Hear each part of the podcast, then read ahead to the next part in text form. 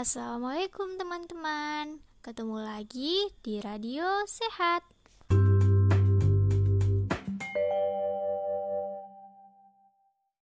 Halo teman-teman semua. Teman-teman tahu nggak Tanggal 25 Januari itu diperingati sebagai hari apa? Ya, benar Tanggal 25 Januari diperingati sebagai Hari Gizi Nasional. Hari Gizi Nasional diperingati dengan tujuan untuk menyadarkan masyarakat akan pentingnya mengkonsumsi gizi seimbang. Gizi seimbang adalah susunan makanan sehari-hari yang mengandung berbagai macam zat gizi. Dan jumlahnya harus sesuai dengan kebutuhan tubuh kita.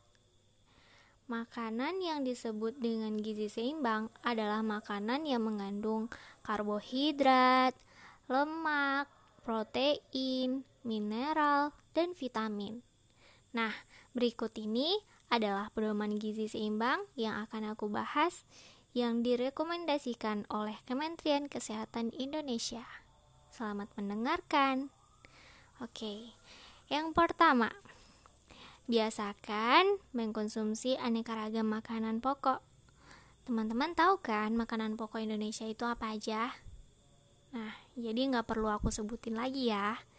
Yang kedua, batasi konsumsi makanan manis, asin, dan berlemak. Nah, nggak boleh tuh berlebihan makan makanan yang manis, asin, dan berlemak. Nggak baik.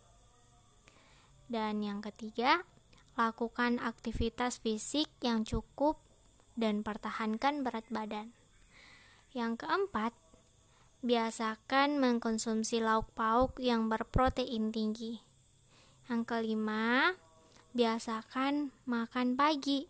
Nah, buat teman-teman nih yang mau berangkat sekolah, kerja, atau kuliah, atau apa pun aktivitas yang mau dimulai, harus mulai dengan sarapan pagi ya, karena sarapan pagi itu penting. Oke? Yang keenam, biasakan minum air putih yang cukup dan aman.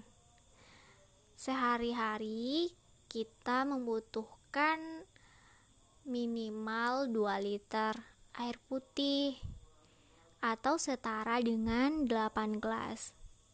Jadi, kalau kita kekurangan mineral, bisa dehidrasi. Jadi, cukupi minum air putih ya. Yang ketujuh, banyak makan sayur dan buah-buah. Yang kedelapan, biasakan membaca label pada makanan. Nih, buat teman-teman yang lagi belanja ke minimarket atau ke mana pun itu sebelum membeli biasakan dulu membaca komposisinya membaca expirednya dan melihat angka kecukupan gizi dari dari kemasan makanan itu jangan asal comot-comot gitu aja oke okay? Mulai dari sekarang Perhatikan gizi seimbang makanan yang kita makan ya. Gizi seimbang harus kita perhatikan agar kita terhindar dari masalah kekurangan gizi. Ada banyak penyakit yang timbul jika kita kekurangan gizi atau makanan yang kita makan tidak mengandung gizi seimbang seperti penyakit anemia, obesitas, hipertensi, penyakit jantung koroner, hingga diabetes. Nah, untuk itu kita perlu menjaga kesehatan tubuh.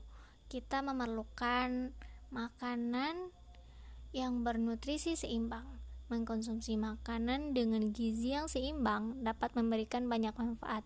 Salah satunya dapat menambah energi tubuh kita dan menjaga tubuh kita agar tidak cepat lelah dan lemas menyokong pertumbuhan badan seperti penambahan sel baru atau memperbaiki sel yang rusak, memelihara jaringan tubuh hingga kesehatan terjaga, mengatur metabolisme dan berbagai keseimbangan tubuh. Dan yang terakhir, meningkatkan daya tahan tubuh dari berbagai penyakit. Nah, jadi gimana? mulai dari sekarang perhatikan gizi seimbangnya ya. Dan perhatikan makanan yang kita makan. Jangan asal-asal makan aja. Kan buat apa makan banyak tapi nggak bergizi?